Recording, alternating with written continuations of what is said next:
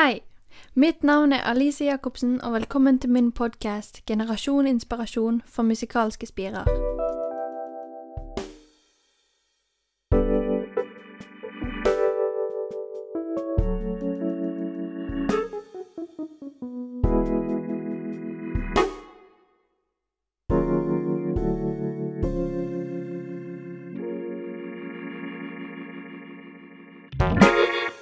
I dag prater jeg med frilanser, artist og høyutdannet sangerinne Marianne Juvik Sæbø. Hun er en inspirerende og herlig sjel med masse kloke råd og erfaringer på lager.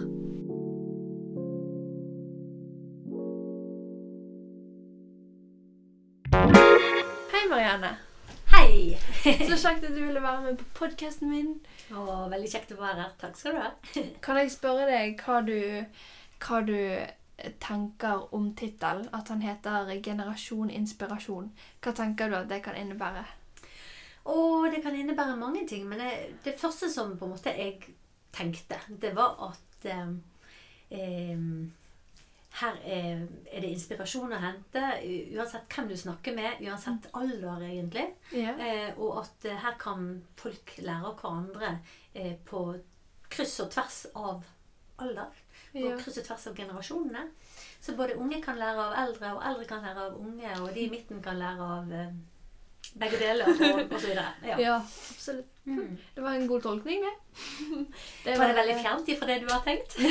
Nei, eller det er vel egentlig ganske on point. Eller fordi at jeg eh, Jeg vet ikke, på en måte målet med denne podkasten er jo at um, Å på en måte vekke inspirasjon da, i Mm. musikere. Uh, og liksom For jeg føler at samfunnet vi lever i nå, har på en måte kan, kan lett på en måte stjele litt av den der frie, frie følelsen, da. Fordi du, det er så mye press, og du må nå opp, og det er så masse forskjellig du skal gjøre.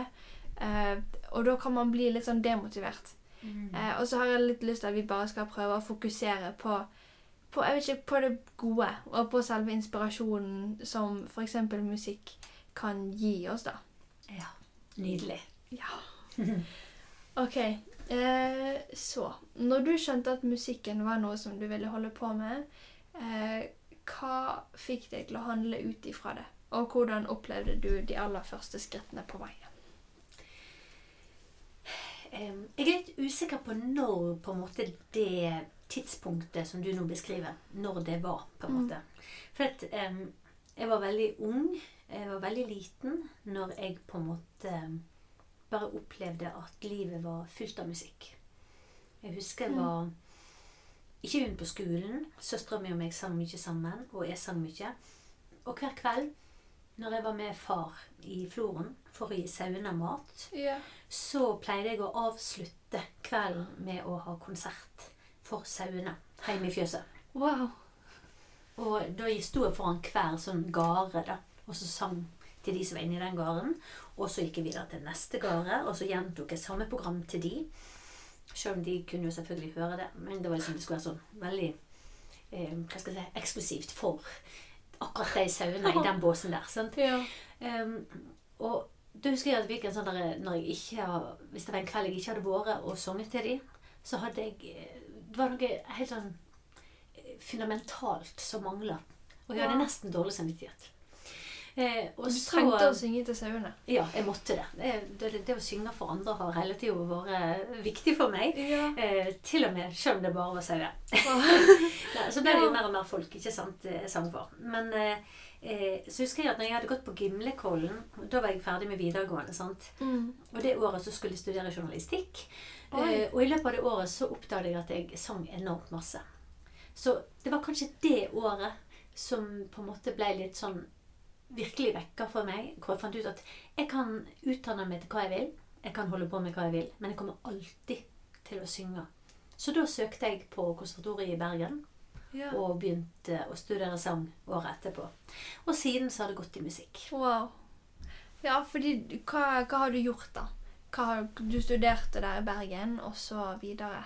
Ja, jeg tok eh, faglærerutdanning på Hette det den gangen. Ja. Eh, og det var på konservatoriet i Bergen. Det som nå er Griegakademiet. Ja. Og så eh, dro jeg til London på Royal Academy of Music etterpå og studerte sang. Tok diplomstudie der Ja. i to år etterpå. Og så når jeg kom hjem igjen, så begynte jeg å jobbe frilans. Og det har jeg gjort helt fram til nå i fjor, når korona kom. Ja. Um, da jobber jeg fortsatt frilans, men utpå våren der så eh, drev jeg og kikka etter jobber, for jeg tenkte at det, det blir veldig lite sang. Um, og så hadde jeg de siste årene òg gått litt og tenkt på at kanskje jeg skulle fått meg en fast jobb. Jeg har ikke lyst på en 100 %-stilling, men en litt um, ja, Kanskje 50% eller noe sånt, så jeg kunne kombinert noe fast med syngingen. For da kunne jeg sile litt mer hva jeg hadde lyst til å synge. Ja. Um, så jeg, liksom, jeg drev og kikket etter jobber, og så um, dukka denne sanglærerstillingen oppe på Kongshaug opp. ja. Og så søkte jeg, og så fikk jeg den. Oh. Så, så fram til i august i fjor så bare jobba frilans. Og så um, Det siste året så har jeg altså da jobba ja. Eller siden i høst så har jeg jobba på Men, men hvordan er det Eller følte du noen gang at det var en stressende livssituasjon å være i når du var frilans? Eller er det på en måte mer behagelig å ha en fast jobb nå? Det er um, Det er fordeler og ulemper med alt, tenker jeg. Mm. Jeg er veldig glad for den friheten som jeg har hatt som frilansmusiker. Du har egentlig en stor frihet, for du kan si nei. Altså, sant? Ja. Samtidig så må du på en måte ofte si ja. Gjerne til mer enn det du strengt tatt kunne tenkt deg å gjort. Sånn at du hele tida har på en måte den følelsen av å alltid ha noe hengende over deg som skal øves inn, noe program som må være ferdig, ting som må pugges og kunnes utenat. og Ja. eh, sånn. Men, men eh, samtidig så er det liksom veldig fleksibelt. Mm. Eh, men jeg var i grunnen ikke stressa over det. Men jeg kjenner jo det at det er veldig behagelig det å vite hva som kommer inn på kontoen fra måned til måned. Det er lettere å planlegge. Det er mm, mer forutsigbart, rett og slett. Så det er klart at det er Jeg skjønner det folk sier med at hvis du først har fått deg en fast jobb, så er det vanskelig å gå andre veien. um, men um, jeg har egentlig likt veldig godt uh, å være frilanser. Men jeg merker at jeg er nok ganske em, fleksibel, tror jeg. For dette, jeg trives veldig godt med dette òg. ja. Så jeg er ei enkel sjel, tror jeg vi kan si. Du Ja, bare du tilpasser deg. ja jeg tror jeg litt sånn tilpasningsdyktig. Men hva er hovedforskjellene mellom deg som sanger i dag eh, i forhold til den du var når du da sang for de sauene i begynnelsen? eh, når jeg sang for sauene, da var det Mm. pur glede. Eh, pur glede, og det var bare liksom bare Bare, bare, bare gøy. Um, og jeg var ikke så opptatt av hvordan det hørtes ut, og på en måte hva jeg formidla. Det var bare bare sang. Så Ja. var det sant?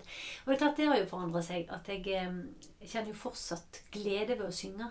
Men det er klart, nå er det jo litt andre kriterier på en måte som kommer i tillegg. Mm. Altså, når du synger for folk, så er det jo både Du vil at det skal både høres ok ut, eh, og helst ønsker jeg å ha noe på hjertet som jeg ønsker å formidle. Mm. Jeg vil at folk skal få noe.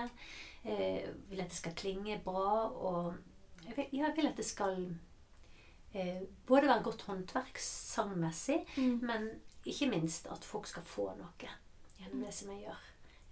Så jeg synger på en måte ikke bare for å synge. Nei. Eh, Ja. selv om jeg fortsatt har den at jeg ønsker å glede gjennom sangen, så er ikke det kun det som teller. ja.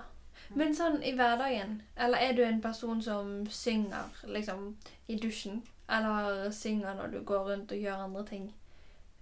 Ja, jeg gjør det. Fordi det tror jeg er mange som ikke er profesjonelle sangere, som gjør. Mm. Eh, og det er vel kanskje litt av den der rene sanggleden. Mm. Ja, bare bare Ja. synge for å synge, liksom. Ja.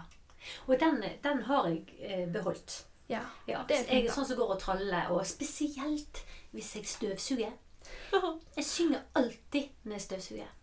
Jeg vet ikke hvorfor, men det er kanskje ikke lyden som på en måte frambringer lyder i meg. Jeg vet ikke hva det er. Så ungene ler litt av meg, da, for jeg går liksom og traller. Mm. Det må vel påvirke de en del. At, eh, at mammaen deres er så musikalsk. Jeg, jeg vet ikke, jeg. Altså, det er de eldste guttene mine, som nå er vokste, Mm. de drev jo med musikk når de var små, men eh, siden så slutta de med det. Så de, Ja. de har ikke fortsatt. Um, men eh, de er glad i musikk, og de hører masse på musikk. Så det er klart Det de har Du har nok, det har nok påvirket de mer enn man ser, kanskje. Jeg vil tro det. Ja. Jeg håper det. Ja. Um, har du lyst til å nevne tre minneverdige musikkrelaterte øyeblikk fra livet ditt? Jeg husker um, spesielt Det er ett øyeblikk som på en måte nesten Ja, som var helt fantastisk. Det var Jeg var 16 år og begynte å synge med Bergen eh, Domkantori. Wow. Um, og så var vi med på en uh, korkonkurranse nede i Italia, i Gorizia. Og så den ene dagen så var vi Ja, vi vant Let the People Sing. Men Det var helt fantastisk. Ja, wow. Hva var, det den dere sang, da? Men det fordi du har snakket om at dere eh, sang den der uh, Cry Out and Shout. Mm, Var det da? det var da. Det var da.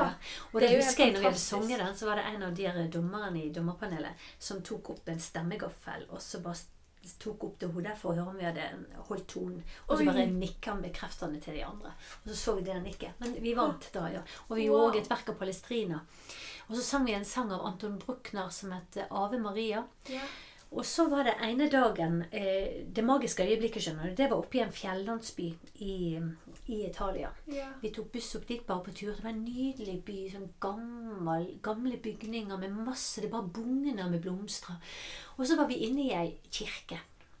Og der var det eh, helt tomt. Og så gikk vi inn der, og så var hun så fin. Utrolig vakker kirke. Og så bare stilte vi oss opp, og så sang vi den av Maria. Og så kom det inn ei gammel dame i svarte klær.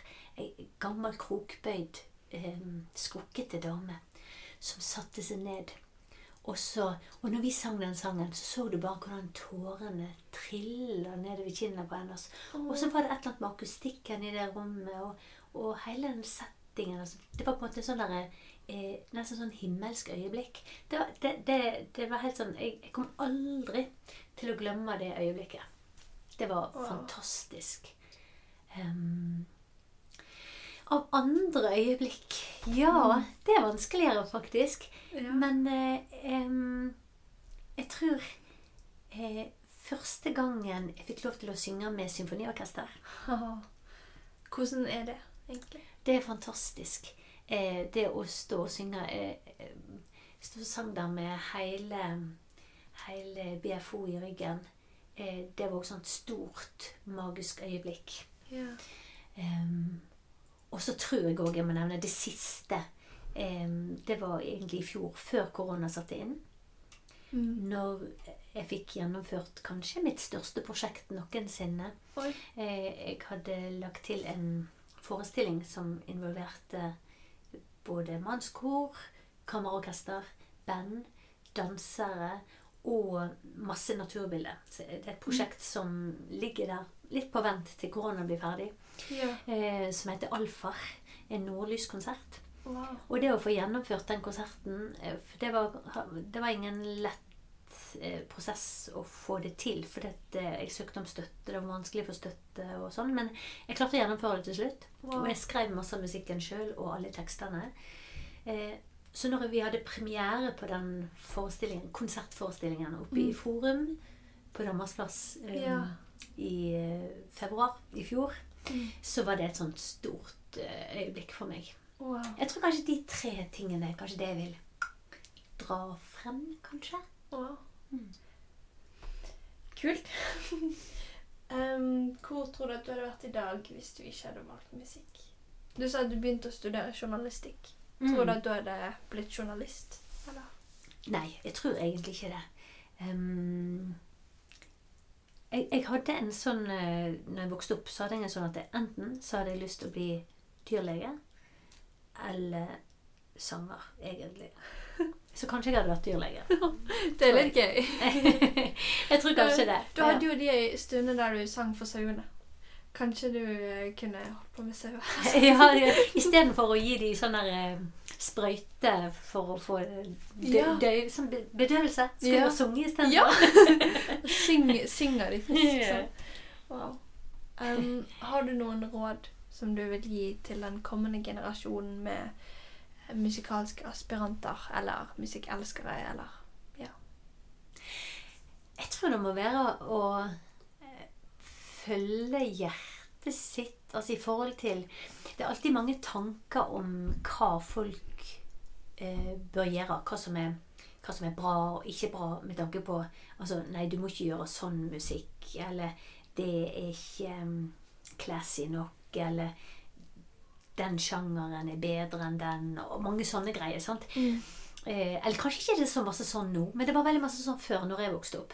Eh, jeg tenker det at å være tro mot den sjangeren, den musikken som man sjøl liker, det tror jeg man skal ha mot til å gjøre. Og så eh, kjenne etter hva ønsker jeg å fortelle, hva ønsker jeg å formidle gjennom musikken. Og så bare gå for det og gjøre det. Mhm. Ja. Men hva med, hva med frykt? Eller det der at det er jo ikke sikkert det går. Tenk om man da følger hjertet, og så finner man seg sjøl ti år seinere som en fattig lus og miserabel og uten familie og uten penger. Mm. Altså, jeg tenker at man må jo jeg, jeg tenker man må alltid ha en plan B. Mm. Ja. Noen tenker som så at eh, hvis man har en plan B, da, da satser ikke du 100% Det tenker jeg er feil. Jeg tenker Det må gå an å ha flere tanker i hodet samtidig. Og på et eller annet tidspunkt så må man på en måte et, et, Jeg har veldig sansen for å si at eh, dette er mine mål, dette er mine ønsker. Men hvis ikke jeg har klart det innen da og da, da er det kanskje på tide å tenke eh, plan B. Mm. Og så tenker jeg at det er kanskje lurt å ikke strekke den strikken så langt at man venter til man er 50 år før man på en måte innser at det, ja, kanskje jeg skulle tatt og Jeg har ikke fått til Jeg kan ikke leve av det. Jeg kan ennå ikke leve av det. Kanskje da det du burde ha tenkt et par tiår tidligere at eh, ja. kanskje jeg skal prøve noe annet. Eh, De fleste har eh, flere ting man liker å holde på med. Ja. Ja. Og det er jo på en måte en mulighet å holde på å, holde, å på en måte studere noe, eller begynne på noe fast, eller sikkert og dyrke musikken på siden. Det er jo alltids en mulighet, det. Det er alltid en mulighet. Og jeg kjenner veldig mange Jeg har f.eks. En, en fantastisk eh, pianist som eh, eh, Han var den typen som hadde eh, toppkarakter i omtrent alle fag. Eh, så han Sant. eh, spiller som en gud. Eh, han utdanner seg jo til noe helt annet og har musikken på si. Og har stor glede av det. Og da har du jo kanskje òg den muligheten for, når man har holdt på en stund med den andre jobben, at man kanskje kan gå ned i en litt mindre stilling og bruke de siste prosentene på musikk. Ja. Og da er det jo Da har jo du den luksusen at du kan sile vekk og gjøre de tingene du aller helst vil. Sånn. Og du er ikke nødt til å gjøre de jobbene som du tjener penger på. For det er ikke nødvendigvis sånn at det er de jobbene man tjener penger på, som gir en mest sånn Mm. eh, ja, kunstnerisk og musikalsk, og som på en måte er mest inspirerende. Sånn. Hm. Det var godt sagt, holdt på å si. Det er jo sant. Men Men mm, Nei. Jeg tror vi runder av der. Tusen takk for at du ville bli med. Tusen takk for at jeg fikk bli med. Tusen takk for at du hørte på. Husk å like og dele podkasten. Takk til Marianne for at du ville være med og dele. Vi prates neste gang.